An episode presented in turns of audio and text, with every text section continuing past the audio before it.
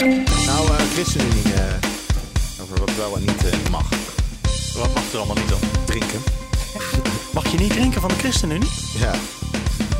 Gaan we het zo meteen over hebben, Mark? Oké, okay, dit is Studio Den Haag van vrijdag 15 september. Dat is de derde vrijdag van de maand. Dus we zitten vlak voor Prinsjesdag. Ja. Leonard Beekman, Mats Akkerman, ik ben Mark Beekhuis. We zitten met z'n drieën gezellig weer in Amsterdam in de studio. Uh, het was een rare week, is ja. volgens mij het gevoel. Uh, wat er aan het eind van de week blijft hangen. Het was een aparte week. Want op dit moment, er is wel gestemd over wat wel en niet controversieel verklaard gaat worden. Maar het is nog een beleidsarme week in de Tweede Kamer geweest. Er zijn wel wat commissievergaderingen geweest. Er is ook wel plenair is er vergaderd. Ja, toch? Maar het spatte er niet echt vanaf. En wat, ja, er was wel een hoop vuurwerk in Den Haag. Ik wou zeggen, de onderwerpen waar de Partij voor de Dieren zo mee bezig is. De zoonose, dus de dierziektes, die stonden ineens op de agenda. Uh, stikstofbeleid stond ineens ja, op de agenda. Ja, dat was een technische briefing was okay. dat. Uh, over de gevolgen voor het bedrijfsleven. Ja, Heel interessant. Maar de echte de Partij voor de Dieren thema's waren deze week vol in het nieuws. Ja, en uh, Partij nou, voor de, de Dieren was toch op een andere manier was Partij voor de Dieren in het nieuws. Ja, zullen we het heel kort even benoemen? Want er is natuurlijk al heel veel over gezegd. En ze hebben zelf ook, dat vind ik zo gek, tot gisteravond nog op de radio allerlei interviews gegeven. Waarom doen ze dat, die mensen van de Partij voor de Dieren? Waarom vechten ze het zo openbaar? Ja, nou, er zijn toch mensen niet blij met de uitkomst, denk ik. Het partijbestuur is opgestapt en wel tegen de zin van het partijbestuur in. Die wilde denk ik niet weg. Nee, die hebben hun lijsttrekker die ze hadden teruggetrokken. Nou ja, doe dan toch maar wel, dan gaan wij wel weg. Ja, de lijsttrekker die ze, waarvan ze nog steeds zeggen dat het geen geschikte lijsttrekker en fractievoorzitter is. Ja, ze hebben ze hun lidmaatschap opgezegd of alleen maar van het bestuur? Dat heb ik, heb ik geen idee. Ik ook niet hoor. Nee, maar uh, geen is, idee of ik kan me zo voorstellen dat je denkt, nou maar sorry, we zitten zo niet op één lijn. Oh, hier scheiden onze wegen, zeg ik dan maar even. Vrij naar een andere partijleider. Ja, nee, geen idee. Wat Nee. me wel opviel wat jij zegt over dat alles op straat lag. Ja. Eigenlijk maakt het dan niet zoveel meer uit wat voor een soort partij je bent. Want nou ja, dit zijn mensen met een moreel kompas hè, bij eh, eh, Partij voor de Dieren. Het zijn nette, men- partij, zijn nette zelf. mensen. Maar op het moment dat er ruzie ontstaat, ja, dan is het precies zoals bij alle andere partijen. Op een gegeven moment gaan mensen het in de media met elkaar eh, uitvechten. Maar is dat zo? Ik bedoel, als, je, als zoiets bij het CDA gebeurde, dan was het echt altijd heel erg leuren om iemand een paar quotejes te laten geven in een uitzending. Ja. En hier zit er gewoon zit de de fractievoorzitter van de Eerste Kamer zit een kwartier bij eh, eh, Nieuwsuur. Gisteren zat een afgetreden bestuurslid nog eh, bij Radio 1. Eh, en dat is ook een, oh, wat was het ook wel een kwartier, denk ik, om allemaal maar steeds uit te leggen hoe alles zo erg was gegaan. Dat klopt. Ze waren niks wel. van. Ze waren wel. En Esther Ouwehand zelf nog in de college tour. Dat was wel afgesproken, maar eigenlijk werd er alleen maar over gesproken. Dus het was het thema. Van, Ja. eh, ze had zich denk ik iets anders voorgesteld toen ze een paar maanden geleden ja zei tegen college tour. Maar bij Volt hebben we het ook gezien. Werd het echt wel op straat uitgevochten. Hè? Ehm, en bij de Partij van de Arbeid rond Gijs van Dijk, maar ook rond Ariep. Ja, dat wordt nu ook in het publieke domein wordt dat uitgevochten. Hey, wanneer is Dus de volgende niet- peiling? Want ik ben zo nieuwsgierig of dit de partij eh, heeft, geholpen ja. heeft, omdat iedereen nu weet dat de Partij voor de Dieren bestaat, of eh schaadt wellicht. Nou, we hadden afgelopen week hadden we Peter Kanne hadden we in de uitzending van Ja. INO Research. De peiling is afgelopen weekend Ja, gehouden. Die zei, die wordt eh, niet meegenomen. Die, zei dat eh, ruzie is altijd slecht. Maar Ja. Partij voor de Dieren is zo'n gekke partij. Die is gewoon, zonder dat iemand daar ooit berichtgeving over eh, gedaan heeft, elke keer gegroeid. Nou ja, ik denk als, je, als de verhouding zoals die steun voor Esther Ouwehand was ook een beetje in het, in het electoraat zit. Hè. We zagen dat nadat Esther Ouwehand eh, weg moest, dat alle regionale en lokale Partij voor de Dierenbestuurders ongeveer de brandbrief aan het bestuur ondertekenen. Ik denk, Ja. ik denk 95% van alle actieve Partij voor de Dieren mensen stond onder die brief. Ehm, als dat een beetje ook is hoe de stemmers erin staan, eh, dan zou je kunnen zeggen: Esther Ouwehand had hele brede steun. Esther Ouwehand blijft. De schade in de peilingen is beperkt. Ehm, Ik denk alleen dat Zullen ze zelf nog tegenovergestelde is. Dat is mooi bij College Tour. Werd er aan, aan een meisje uit het publiek hè, die een vraag stelde, werd door Twan Huis. Die vroeg van, nou geloof je nou eigenlijk dat er niet zoveel aan de tenminste, dat er niks aan de hand is rondom integriteit? En zij zei, ja, ik, ik geloof het eigenlijk gewoon niet. Hè. Voor mij, eh, ik moet weten wat er aan, nou aan de hand is, want eh, ik vind het een, in mijn woorden, een raar verhaal. Zij dacht dat er wel waar Ja, wel iets aan de hand is. Ja, precies. En een hoop, want we, we hebben het hier echt over het kader van de partij. Over fractievoorzitters van lokale afdelingen. Je moet gewoon naar de gewone, naar de normale stemmer kijken. Die ziet alleen maar ophef. Maar was dat En ruzie was en het de Partij voor de Dieren eh, potentieel stemmer? Geen idee. Nee, ja, dat Nee. maakt natuurlijk nog wel uit. Want misschien dat Ja. alle VVD en SGP-stemmers zeggen... maar roken is dus vuur. Maar dat de diehard dieren in dit land allemaal zeggen... ja, als het eh, uit het onderzoek komt, dan dit weet, weten we gewoon niet. Nee, maar we gaan, het, eh, we gaan het zien in de peilingen. Ja, en vooral de ultieme peiling op 22 november. Eh, er was nog een partij met een, met een relletje deze week. D66, dat is een kieslijst. Daar zijn best wel veel mensen eh, niet herkiesbaar. Tenminste, met de peilingen tot nu toe. Ja. Ja, en een, aantal mensen stonden dan weer heel hoog op de lijst die eh, nog helemaal niet eh, relevante politieke ervaring hadden. Of zelfs eh, lelijke dingen over D66 hadden geschreven en bij Forum voor Democratie hadden gesolliciteerd. Ehm, dus ja, er was ook wel wat, wat aan de hand bij D66. Sorry, ik, dat heb ik even gemist. Ik was bezig met een fantastisch project over de wolf. Komt binnenkort uit als podcast. Maar jij zegt, er was een forumlid. Ja, de lid. Nou, die niet hoog- lid. Staat hij in de top oké. 10 van D66? Nee, op nummer 11 hadden ze Jessim Jandan 11. gezet. eh, de columnist van RTL Nieuws. Ik weet niet of ze dat nog steeds doet, maar in ieder geval in het verleden. Ehm, en eigenlijk de dag nadat dat eh, bekend was geworden, bracht NRC al dat ze in een oude column D66 een elitaire partij had genoemd. Eh, en dat een vergelijking die Ruben Oppenheimer, de, de cartoonist, had, had Sigrid Kaag als een heks getekend. Er waren veel D66'ers toen over gevallen en zij had dat eigenlijk ook verdedigd in haar column. Ehm, dus daar was ook gelijk een soort van eh relletje.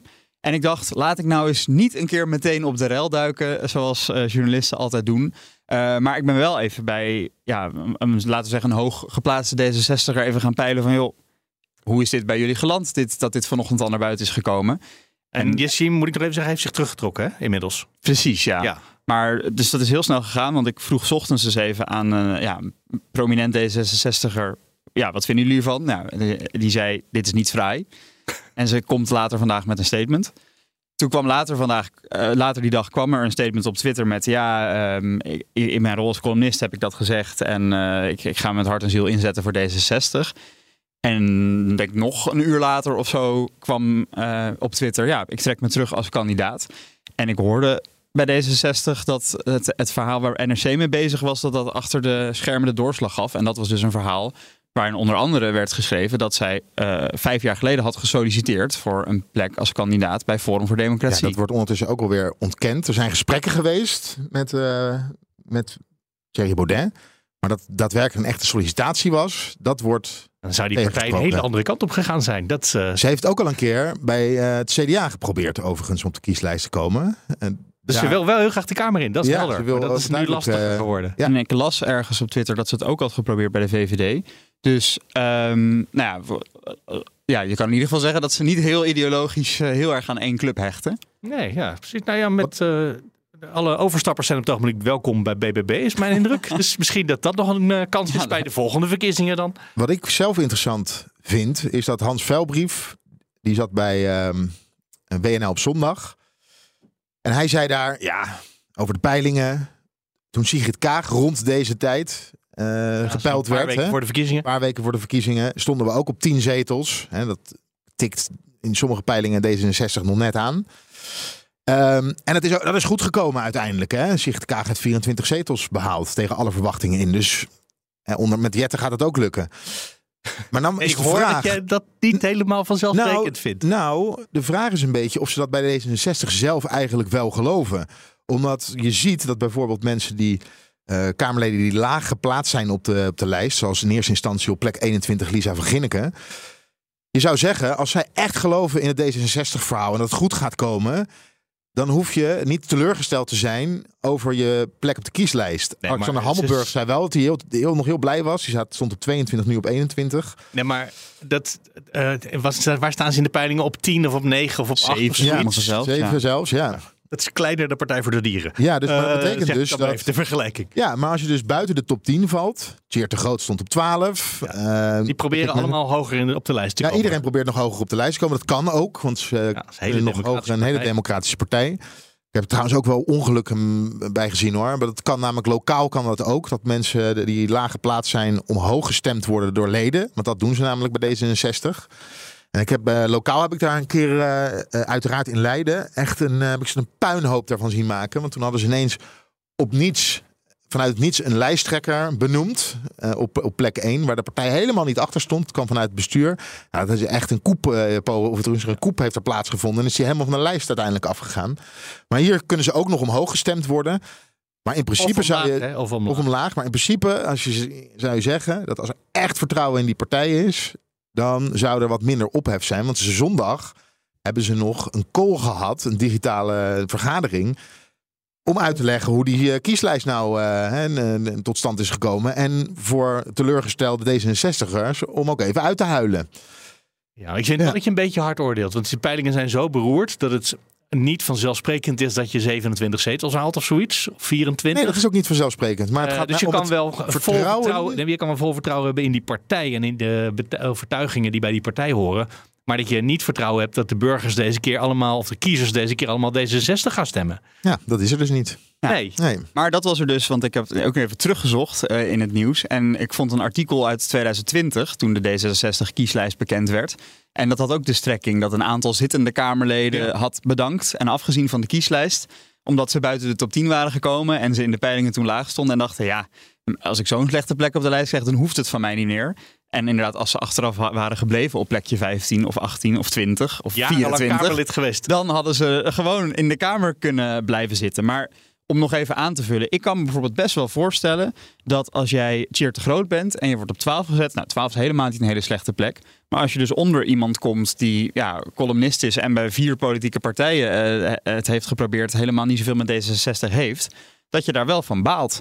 En er zijn een aantal Tuurlijk. Kamerleden die eh, niet op de nieuwe lijst zijn gekomen. Bijvoorbeeld Kiki Hagen, ehm, die kwam volgens mij uit Amsterdam, had vorige keer best wel veel voorkeurstemmen. Eh 24.000. Ehm, staat niet meer op de lijst. Eh, Hint Dekker, Abdulaziz, die staat ook niet meer op de lijst. Was er ook teleurgesteld over. Die wil zelf nog terugkomen op de lijst. Want dat kan blijkbaar ook als je niet op de Ja, lijst ja, ja. staat, dat je nog Als de, als jezelf de op leden de het lijst. willen, dan sta je op de lijst. Ja, precies. Ehm, en volgens mij zit de teleurstelling bij die mensen er ook in. Eh, dat ze het niet hadden zien aankomen. En niet zien aankomen omdat ze niet weten wat ze per se beter hadden kunnen doen. Ja, maar Ehm, zegt- want kijk- als je, je zo'n lijst maakt, eh, dan maak je, zorg je er toch voor dat er mannen en vrouwen ongeveer gelijk in staan. Dat er misschien regio en stad allebei in zit.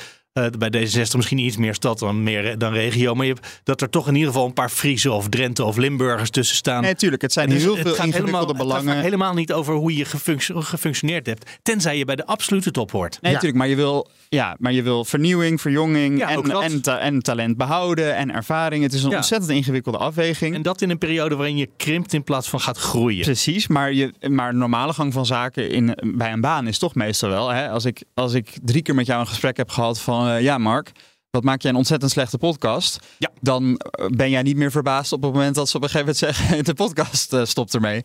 Maar als jij nooit een keer... Ja, de podcast stopt er vooralsnog Nee, dit, niet dit mee. is een hypothetisch voorbeeld. Ah, gelukkig. Maar, ehm, maar stel, niemand zegt ooit tegen jou en iedereen zegt alleen maar ja, je doet het hartstikke goed. En eh, na 2,5 jaar word je eigenlijk gewoon weer op straat gezet. Helemaal niet op de lijst. Dan kan ik me echt wel voorstellen dat je teleurgesteld bent. Ja, je moet uitkijken als je zo'n lijst gaat samenstellen met wie je erop zet. Om twee redenen. Ten eerste, eh, je scout je talenten bij de lokale afdelingen. En eh, misschien bij de provincie, maar ik zie toch vaak dat bij de provincie wat meer geroutineerde politici daar gaan zitten. Die bijvoorbeeld vanuit eh, het lokale dan nog eventjes bij de provincie Ja. hun werk gaan doen. En dan, zoals op drie staat een groot talent. Ilana Roderkerk uit Amsterdam, fractievoorzitter. is ook vaak in het nieuws gekomen. Goede uitstraling. eh, hè, kan, je, kan je begrijpen dat, dat, dat zij op nummer drie terecht is gekomen. Maar als we het dan hebben over een columnist op 11. En we hebben het natuurlijk ook wel vaker gezien eh, bij andere partijen. eh, een lingo-presentatrice die eh, op nummer 10 kwam bij het CDA. Ja, dat deed het heel goed op de, op de, bij de kiezer. Ja, maar dat is voor de, de, de talenten uit de, lo- de lokale afdelingen is dat frustrerend. Want je begint namelijk echt met het hand- en spandienst doen. Met canvas, de deur langs. Eh, dan ben je nog helemaal niks bij de partij. Ja, of je En dan ga je als minister het kan- van, eh, van Volksgezondheid. Hè? Ik bedoel, dat, kan dat ook. kan ook. Dan Maar word je, ze- word je zelfs lid omdat je Normaal minister gaat worden. gaat het zo dat je echt... Dat zijn machines, daar wordt gescout. Ja, En vanaf het canvassen totdat iemand de gemeenteraad in komt. En dan ben je vaak al duo-raadslid geweest. Dan heb je echt Je je hebt, je hebt uren helemaal gemaakt voor de partij. Alle partijen zijn ook marketingmachines. Dat klopt ook. En Maar, daar, daar is dit voor, toch? ja, maar je moet ook je achterban in je kader tevreden houden. Maar goed, bij D66 eh, veel ophef over de lijst. Ja. En het kan dus nog heel erg schuiven, want jij zegt hè, een nieuwkomer op drie. Vorige keer stond bijvoorbeeld Hanneke van der Werf, werd op de conceptlijst op drie gezet. Kwam toen uit de Haagse gemeenteraad, werd echt gezien als een groot talent. Die daalde uiteindelijk naar negen op de definitieve lijst. Dus toch zes plekken onderuit. En ik heb even teruggekeken wat je in eh, 2020 zag met die stemming over die lijst. Was dat heel veel zittende Kamerleden omhoog werden gestemd. En heel veel nieuwkomers omlaag werden gestemd. Dus de D66 Die zijn, Eh, leden- zijn conservatief. nou ja, de D66-leden weten blijkbaar eh, wat hun Kamerleden doen en waarderen hun werk. En als dat weer zo is, dan gaan we misschien ook zien dat in ieder geval de zittende mensen omhoog gaan. En nog één laatste opmerking daarover. Ja, zeggen, je moet een afweging maken tussen ervaring en vernieuwing. Ehm, hoeft echt niet per se. PvdA GroenLinks hebben alle 14 Kamerleden die door wilden in de top 20 gezet. VVD heeft pas op plek 16 een nieuwkomer. Heeft de eerste 15 ook ervaring gezet. Met als motivatie, de vorige verkiezingen zijn pas kort geleden, dus die mensen zitten pas kort. Ehm, en dat is natuurlijk anders als je in de peiling wat beter staat. Maar D66 had ook gewoon kunnen zeggen, nou de top 10 noemen wij in ieder geval gewoon 10 ervaren mensen. Die mensen die iedereen al kent. Ja, Precies. zou kunnen. Eh, maar hebben ze dus niet gekozen en we gaan merken wat de achterban doet. Ja. Dan was er van deze week ook nog eens bij Omzicht. Ik wou zeggen, er zijn nog meer partijen waar gedoe is. Ja, Dat dit hoor was, je wel, altijd dit was wel kleiner. Eh, Omzicht eh, had een nieuwe woordvoerder eh, voor een nieuw sociaal contract. Ehm Onno eh, Aarden, als ik Ja. het uitspreek. En die was binnen drie uur weer weg vanwege tweets die hij in het verleden over BBB had geschreven. past niet bij eh, de waarden die wij als nieuw sociaal contract willen uitstralen. Dus ehm, hebben we in goed overleg besloten dat dat eh, geen goede combinatie is. Wat had hij dan precies gedaan? Dat kunt u zelf nagaan. Had u deze man wel goed gescreend dan? Ehm, dit was een eh, tijdelijk contract voor een aantal weken tijdens de campagne. Dus iets minder goed gescreend dan de kandidaten.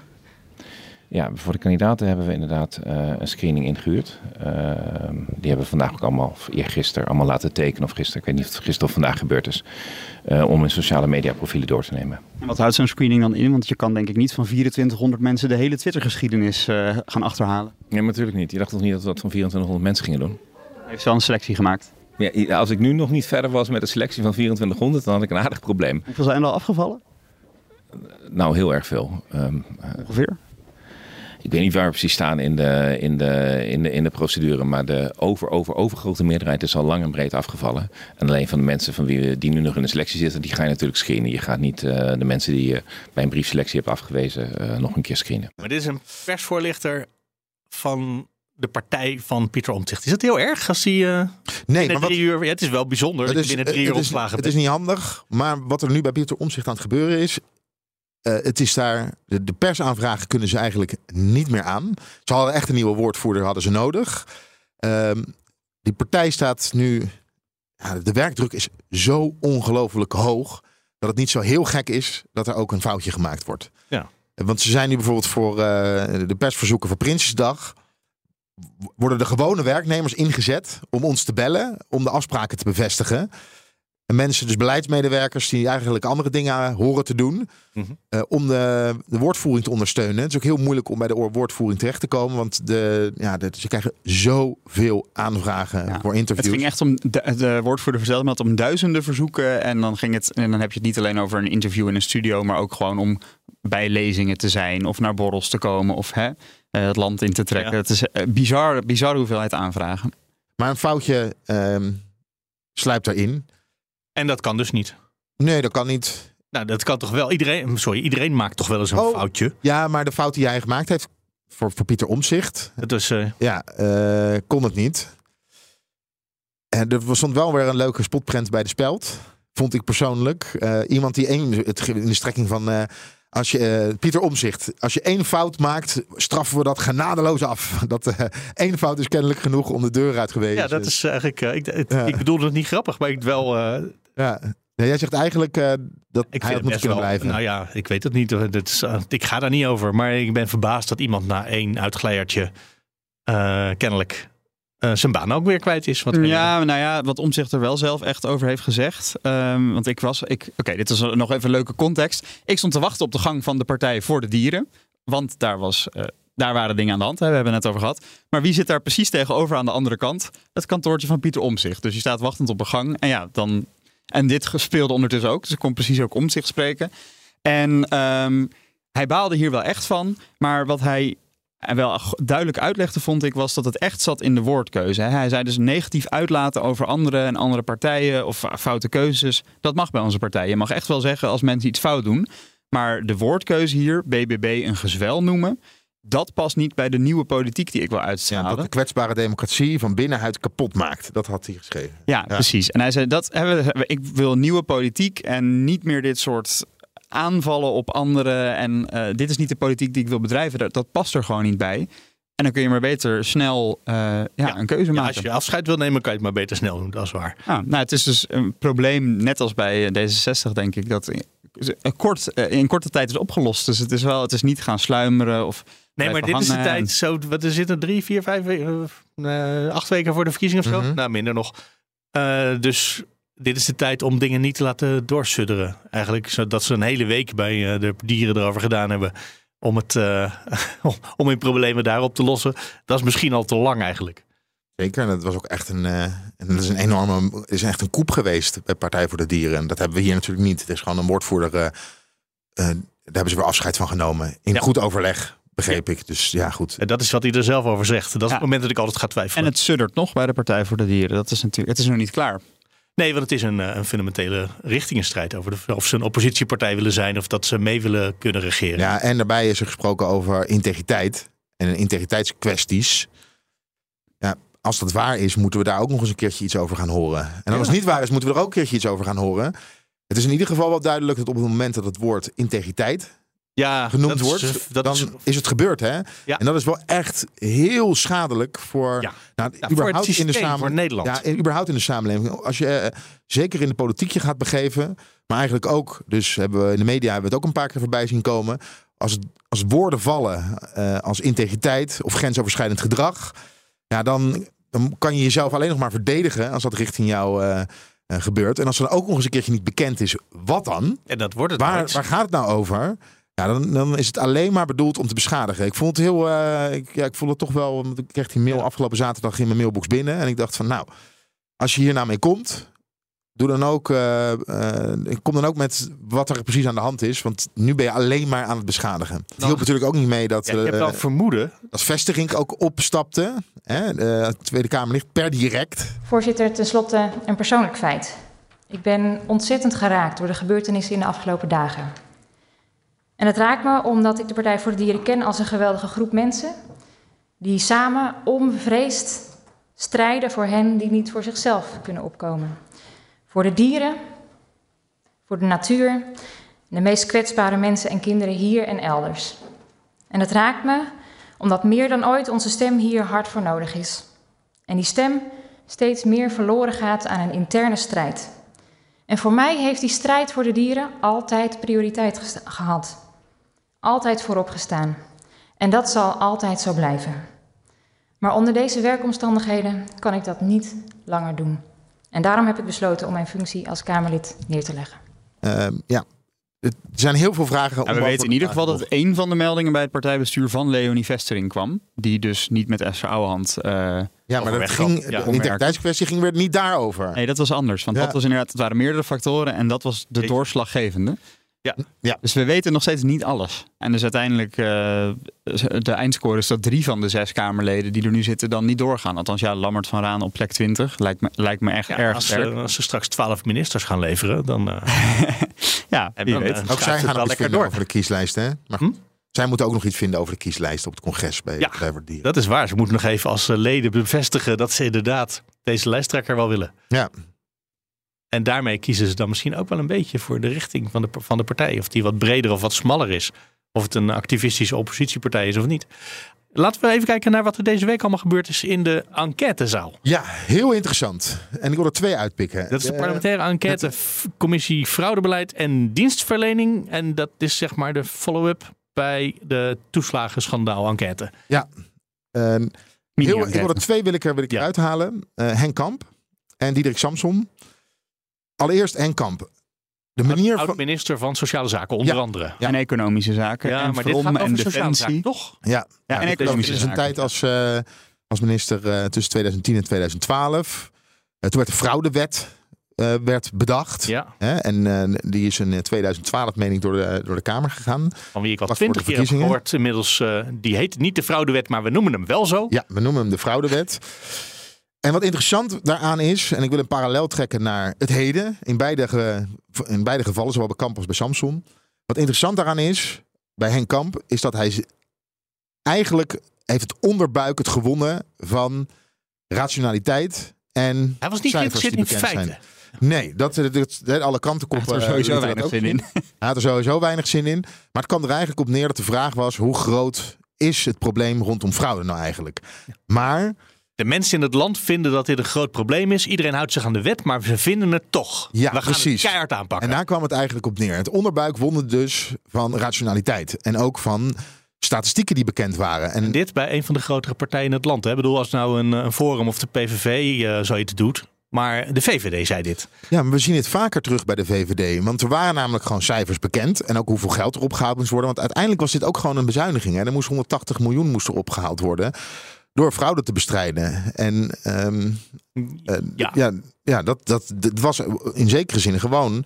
Het moest op die begroting ook blijven, blijven staan. Ja, ja, ik heb daar En- wat tegenstrijdige dingen over gehoord van de week. Ik heb niet helemaal alles kunnen horen. Maar eh, Ja. de, de, in het regeerakkoord stond, we gaan er 180 eh, miljoen mee ophalen. En, maar als we dat niet zouden halen, heb ik bijvoorbeeld Paul de Krom horen zeggen, dan zou de vlag ook uitgegaan zijn. Als, als er geen fraude was en wij hebben daarom te weinig, boe- eh, te weinig boetes opgehaald. Ja, dat zei, Hartstikke mooi. dat zei Kamp eigenlijk ook. Hij zei van ja. het dus en dan moeten we het ergens anders in het ministerie oplossen. Uiteindelijk verdampt het geld ook weer. Want Ja. het idee ervan is, als je streng beleid voert, gaat dat ook zijn doorwerking hebben op mensen die mogelijk willen gaan frauderen of al frauderen en denken we doen het maar niet meer. Dus zijn er ook binnen boetes. Ja, je dit is begint ook met hè, boetes. Want dit, dit is Ja. een- heel vaak naar gevraagd, maar er was nul bewijs dat dat ook echt zo werkt. Nee, precies. Maar er gebeurde gewoon heel veel op onderbuik. En nu even naar deze tijd. De discussie over asiel en migratie. En dan zeker over asiel. Daar is de VVD weer precies hetzelfde aan het doen. Want de VVD blijft herhalen dat Nederland een aanzuigende werking heeft op asielzoekers. Er is een wetenschappelijk onderzoek hè, eh, gedaan Meer dan één. in opdracht van het ministerie zelf. Oh ja, dat is er misschien Waar- één. waarin staat dat dat niet het geval is. Desondanks blijft de minister van JNV, Dylan Jezielkes, een lijsttrekker van de VVD, dat volhouden. De, hoeveel, hoe groot het probleem is met nareis op nareis op nareis. Dus dan hebben we het niet over het kerngezin dat je naar Nederland laat komen. Maar ook Kijk. ooms, tantes, neefjes, nichtjes, noem het maar op. Bijna hoe groot dat probleem is, komt nagenoeg niet voor. Er is in ieder geval geen bewijs voor. De VVD blijft dat herhalen. Ja. En eigenlijk echoot de onderbuik van Nederland door bij een minister en bij een lijsttrekker van de VVD. En dat is Ja, precies gaan we, gaan het zo hard zeggen dat Jezielgus uh, feitenvrije politiek bedrijft? Ja, omdat op het moment dat er, eh, er is gewoon een beleidsstuk, is er, eh, eh, ik zal hem eventjes opzoeken. Het WODC heeft een onderzoek laten doen en daarboven staat geen bewijs dat asielbeleid aanzuigende werking heeft op de instroom van asielzoekers. Nou, je kan het hele rapport kan je lezen op de website van het WODC. Een dag later zit Dylan Jezielgus bij Goedemorgen Nederland en beweert zij het tegenovergestelde.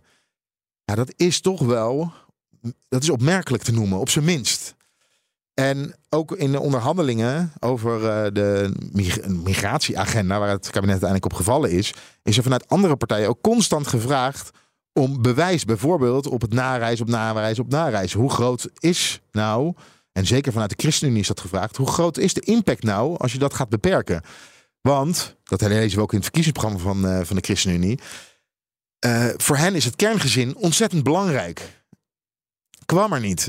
Maar de parallel die ik maak is dat de VVD nog steeds bezig is met beleid. En beleid ook waarbij de zwakste in de samenleving, uh, met ook de minste, want dat willen ze ook inperken, juridische mogelijkheden. En dat stond ook in die, in, die, in die migratieagenda. Ze willen dat ook nog eens inperken voor asielzoekers die de status kansloos zouden krijgen bij een, een twee-statenstelsel. Voor hen willen ze regels gaan invoeren waarvan niet duidelijk is of het überhaupt effect heeft. Uh, en ook de Raad van State vroeg bij de fraudewet: onderbouw het nou eens beter. He, zorg er nou eens voor dat we kunnen zien het Maar ook dan heeft de VVD een probleem, want de VVD kan dit niet onderbouwen. Want die krijgt rapporten aangeleverd waarin staat wat jullie beweren is eh, totale flauwekul. Het is wel erg dat een grote partij in het land Ja. dit doet. En dat we is- zien steeds vaker dat de Raad van State eh, eh, dat, dat het advies aan de kant wordt geschoven. Dat hebben we natuurlijk vorig jaar ook gezien bij de nareismaatregel die uiteindelijk door de Raad van State weer van tafel geveegd is. Ook daar had de Gezinshereniging. dat eh, was een maatregel, maar ook daar zeiden ehm, ja, iedereen zei van tevoren, iedereen dit zei kan van tevoren niet. niet de Raad van State, want er was geen advies gevraagd. Dat wilde het kabinet ook niet. Nee, want dan Omdat wisten ze wat ze zouden krijgen. Dat- Dus eh, empirisch bewijs telt niet. Voor de VVD. Nou, ik, denk, ik denk dat elke politieke partij dit wel eens doet op het moment dat het ze niet uitkomt hoor. Dat eh, wetenschap, eh, partijen zijn allemaal voor de wetenschap, maar het wordt altijd wel selectief ingeshopt, heb ik het idee. Ik moet bijvoorbeeld denken Ja, aan... daar- maar het is een verschil of je feiten die je uitkomen wat uitvergroot en de andere laat zitten. Of dat je gewoon feiten die er zijn tegenspreekt. Ja, het klopt dat andere partijen ook selectief shoppen. Alleen is er wel een verschil of je dat doet als Kamerlid namens een partij. Of als minister die verantwoordelijk is voor beleid vanuit het ministerie. En je geadviseerd wordt door ambtenaren en door de Raad van State. En met een rapport van je eigen ministerie in dit geval. Dat maakt wel een verschil. Of maakt dat in verkiezingstijd misschien minder uit? Omdat gewoon iedereen zich nu als minister ook een beetje partijlid probeert eh, Ja, het is, te een, het is een dubbele pet. Ja, dat is, het is een rare situatie en een lastige situatie. Maar eentje waar je denk niet, niet onderuit komt. En dat geldt voor meer ministers die, eh, of bewindspersonen die op kandidatenlijsten staan. Maar het is raar. En eh, dan nog even naar Diederik Samson. Ja. Diederik Samson was een dag later. En eigenlijk was de vraag... PvdA, wat, PvdA, wat was zijn functie? Eh, hij was, onder, eh, was onderhandelaar, want daar ging het voor een groot deel over, voor Rutte 2. En toen Rutte 2 moest aantreden, was net de wetgeving hè, rondom fraudebeleid was net aangenomen door een grote meerderheid in de Kamer. Door, geloof, ja, door meer dan Maar 100, eh, niet met meer dan door de 100 PvdA, denk ik. Niet door de PvdA, niet door GroenLinks. Zij waren daarop tegen. En de vraag was eigenlijk. Dat gaat dus over de wetgeving van Henk fraudewet, en ja. Paul de Krom. Die daarvoor, Ja. minister en staatssecretaris Ja. waren. En de vraag was eigenlijk, meneer Samson, als u daar zo op tegen was, waar, waarom heeft u dat niet tegengehouden? En zijn antwoord was eigenlijk vrij helder. En het is ook wel leuk om een, om een parallel naar nu te trekken. Want zijn, hij zei namelijk, ja, bij een ingezet beleid, en zeker bij nieuwe wetgeving, waarvan je eigenlijk nog niet het empirisch bewijs hebt of het wel of niet werkt, eh, ga je tijdens de onderhandelingen dat niet meer van tafel vegen. Er was een grote meerderheid in de Kamer. Ook na de verkiezingen bleef die meerderheid bestaan. De meerderheid was zelfs zo groot dat je er een grondwetswijziging mee eh, kon, tot stand kon brengen. Dus een tweederde meerderheid. Oh ja. Zo groot eh, was de steun voor die fraudewet in de Tweede Kamer op dat moment. En hij zei, ja, het is dus het is heel ongebruikelijk om wetgeving dan weer ter discussie te stellen. Want het is net door de Kamer heen. Het democratisch proces is netjes verlopen. En dan moet je eerst kijken...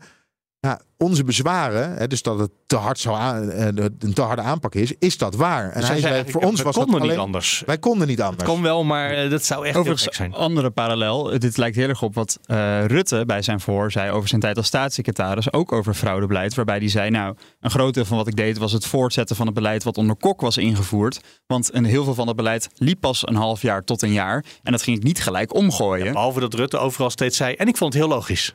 En eh, Samson Ja. die zegt. Ik Nee, maar, het maar ook. verwerpelijk. Nee, ja, oké. maar wel. eh, Maar, maar hetzelfde wel argument er was breed, verder, ja.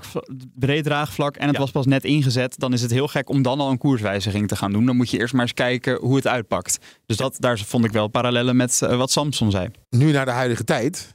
Want waar, we hebben nu de, de, de spreidingswet. En we hebben afgelopen week hebben we tijdens eh, de regeling van werkzaamheden.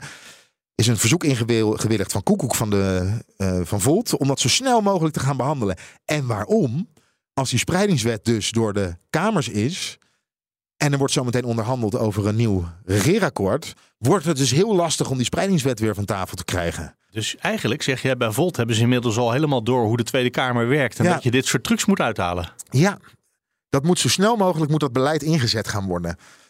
Zo niet, dan wordt het heel lastig om tot die spreidingswet te komen. Want hier weten we wel zeker dat na de verkiezingen de verhoudingen waarschijnlijk zo liggen dat het misschien wel lastig wordt om eh, de spreidingswet zoals die er nu ligt door te voeren.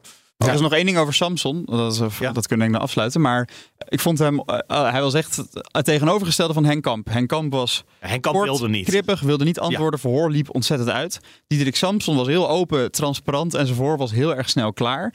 Eh, en hij kreeg bijvoorbeeld ook nog de vraag, en dat vond ik best wel ja, verfrissend van ja, waarom heeft u niet eh, meer daar een punt van gemaakt in de onderhandelingen dat u zo tegen dat fraudebeleid was? En dan zei hij wel, ja, ik, moest over heel veel dingen onderhandelen en dan is het ook een beetje choose your battles. Eh, dus ja, ik, eh, hier dacht ik, hier ga ik hem misschien niet winnen, dan, dan ga ik maar op andere dingen meer inzetten. Vond ik niet per se, maar ja, in een onderhandeling moet je nou eenmaal af en toe ook wat dingen die je vindt niet zwaar laten meewegen. Ja, en wat ook opviel was zijn ontzettend goede geheugen. We hebben natuurlijk in die enquêtezaal wel vaker gezien dat dat eh, mensen wel eens eh, in de steek laten hun geheugen. Maar hij zat daar zonder papier. Want hè, omdat hij met milieuzaken bezig is, doet hij alles op zijn iPad. Maar die mocht hij niet mee naar binnen nemen, zei hij van tevoren. Dus hij zat daar eigenlijk, en ze kregen wat papier aangereikt vanuit de eh, enquêtecommissie hoor. Ja, dat hoor Maar ik bij Kamp. Dat af en toe zeggen ze, er ligt bij u een mapje en u Ja. moet uw document O hebben. Ja, maar hij deed alles uit zijn hoofd. En hij kon het allemaal zich nog zo goed herinneren. Hij heeft natuurlijk ook nog heel eventjes eh, het regeerakkoord doorgenomen. Want anders weet je echt niet tot op de pagina waar iets staat. Hij had tot in de puntjes voorbereid. En zijn geheugen liet hem eigenlijk niet in de steek. En hij praatte soms alsof hij nog steeds de PvdA-lijsttrekker was, vond ik. Met nog steeds dezelfde overtuiging van iemand die nog in de actieve politiek zit. Ja, hij ik gaf een paar mooie voorbeelden ook. Hè? Dat, eh, dat, dat uiteindelijk het beleid uitvoeren ook gewoon mensenwerk is. En het, is niet alleen, eh, het zijn niet alleen de regeltjes. Eh, daar klonk echt wel weer Partij van de Arbeid eh, doorheen inderdaad. Maar het was interessant. In, Ik vond het inhoudelijk ook interessant. als je Henk Kamp be- beluistert, is hij het er nog steeds volledig mee eens. Er wordt veel te veel gefraudeerd in Nederland. Net zoals zwart gewerkt kon hij ook niet hard maken. Want hè, als er zwart gewerkt wordt, dat gaat buiten het zicht van de overheid om. Fraude plegen, voor een deel natuurlijk ook. Dus je kan eigenlijk niet altijd maar met, met, met cijfers bewijzen dat het probleem zo groot is. Maar het was wel heel groot. En eigenlijk vond hij nog steeds, eh, als je het, want daar ging het allemaal om. Als je het draagvlak voor de sociale zekerheid wil behouden, moet je fraudeurs aanpakken. Want anders verdwijnt het draagvlak om mensen een uitkering te geven. En dat is heel logisch dat hij dat zegt. En de vraag is of ze fraudeurs hebben aangepakt of dat ze vooral zich hebben. Maar goed, dat gaat die hele slachtoffers. ja. Ja, en wat denk ik nu het interessante vervolg gaat worden is Lodewijk Asscher. Die gaat ongetwijfeld komen, minister van Sociale Zaken na Henk Kamp in Rutte 2 van de PvdA van Diederik Samson. En hij heeft dat beleid wat dan is ingezet moeten gaan uitvoeren. Wat gaat hij daar vertellen voor die parlementaire enquête? Maar dat komt in ieder geval nog niet volgende week, want vanwege Prinsjesdag hebben ze alleen maar verhoren op vrijdag.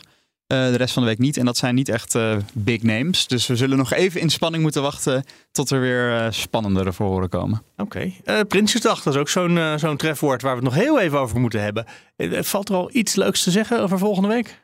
Leonard had een scoop. Nou ja, Scoop. Er is, eh, Ah, dat is gewoon een minister. Adema wilde toch, wil toch iets van het landbouwakkoord bereikt hebben. Het landbouwakkoord ging uiteindelijk om 13,5 miljard.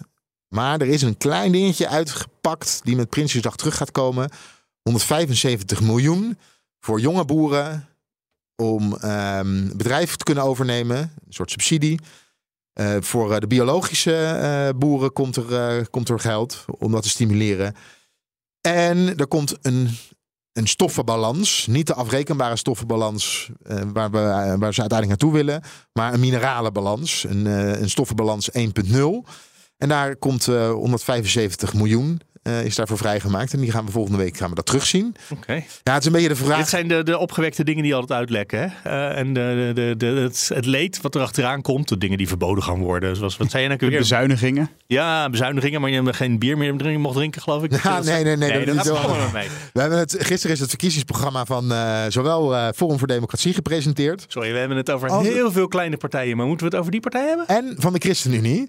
En Ja, maar die, maar de net... ChristenUnie is eh, vier keer zo groot als zoiets. Ja, Nou, maar ze zijn op we, gaan dit even moment uitleggen hoe we, we gaan even uitleggen hoe we hier, eh, hoe we hier opkomen. Nee, ik, heb de namelijk, bedoel ik. ik heb een glossy in mijn hand. Forum voor Democratie heeft namelijk een soort glossy gepresenteerd met heel veel plaatjes erin. Ja?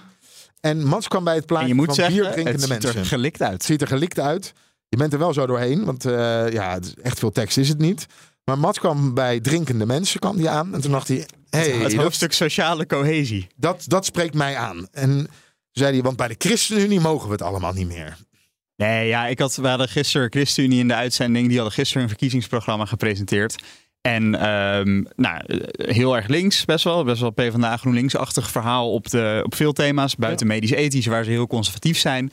Maar wat dan toch wel opvalt, ja, al die dingen als alcohol, eh, drugs, eh, suiker, alles wat slecht voor je is, dat is het kwaad en daar moeten we echt eh, vanaf.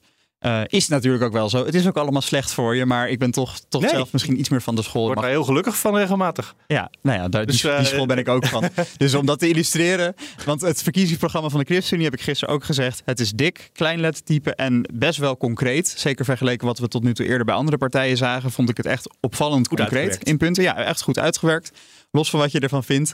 Maar eh, daardoor moest ik gewoon lachen toen ik net dit, die glossy van Forum voor Democratie kreeg. En op de pagina Sociale Cohesie een mega grote foto van proostende bierglazen zag. Ja, maar bij, bij Forum voor Democratie zijn we nog net niet op het punt dat ze weer ervoor gaan pleiten om te gaan roken in de trein of in klaslokalen.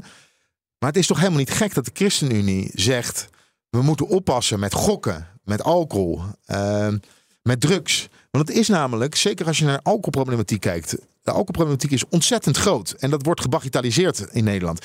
Zeg, ik er gelijk bij, zeg ik er gelijk bij dat ik zelf een haat-liefdeverhouding verhouding heb met alcohol. Als ik begin, stop ik niet meer. En eh, dan eh, weet ik niet meer hoe ik thuis kom. En dan gaat hij ook mensen slaan. Nee, nee, nee. nee, nee. maar met, een niet waar. Niet. Alle cijfers laten zien dat alcohol leidt tot grote maatschappelijke en, eh, problemen en gezondheidsproblemen. Het staat bijna in alle lijstjes op nummer 1 het, het veroorzaakt huiselijk geweld. Het is echt heel slecht voor je gezondheid. Hart- en vaatziekten.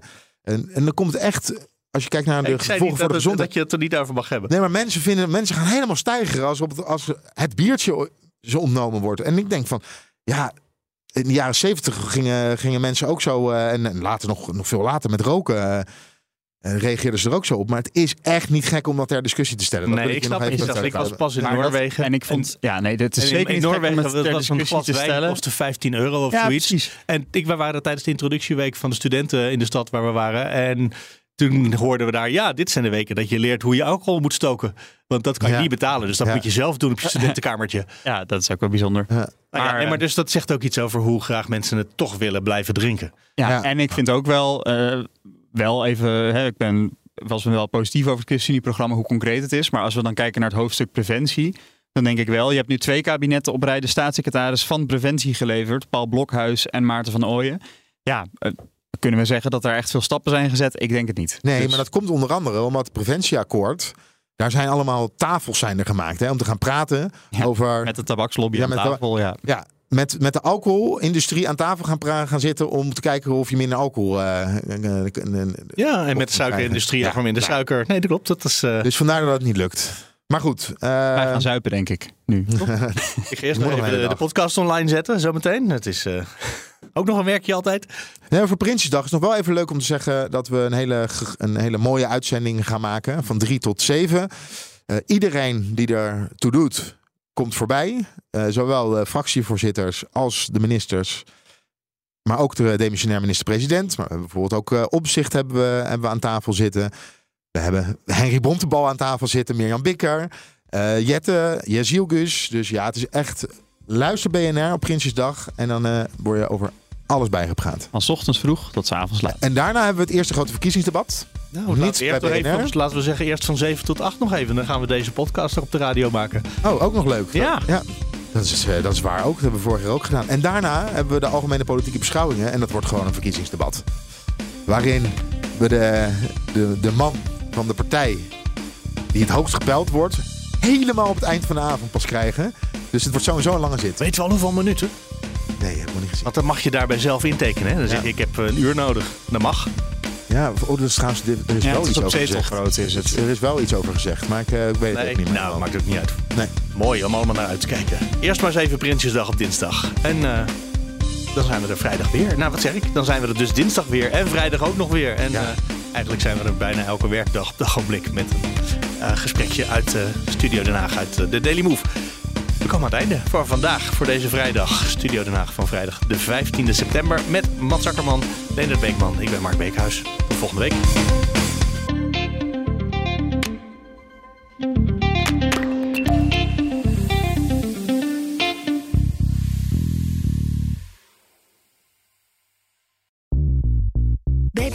Ben je altijd als eerste op de hoogte van het laatste nieuws. Luister dagelijks live via internet. Bas van Werven. En heel langzaam komt de zon op rond dit tijdstip. Je krijgt inzicht in de dag die komt op BNR, het Binnenhof in Nederland en de rest van de wereld. De Ochtendspits. Voor de beste start van je werkdag. Blijf scherp en mis niets.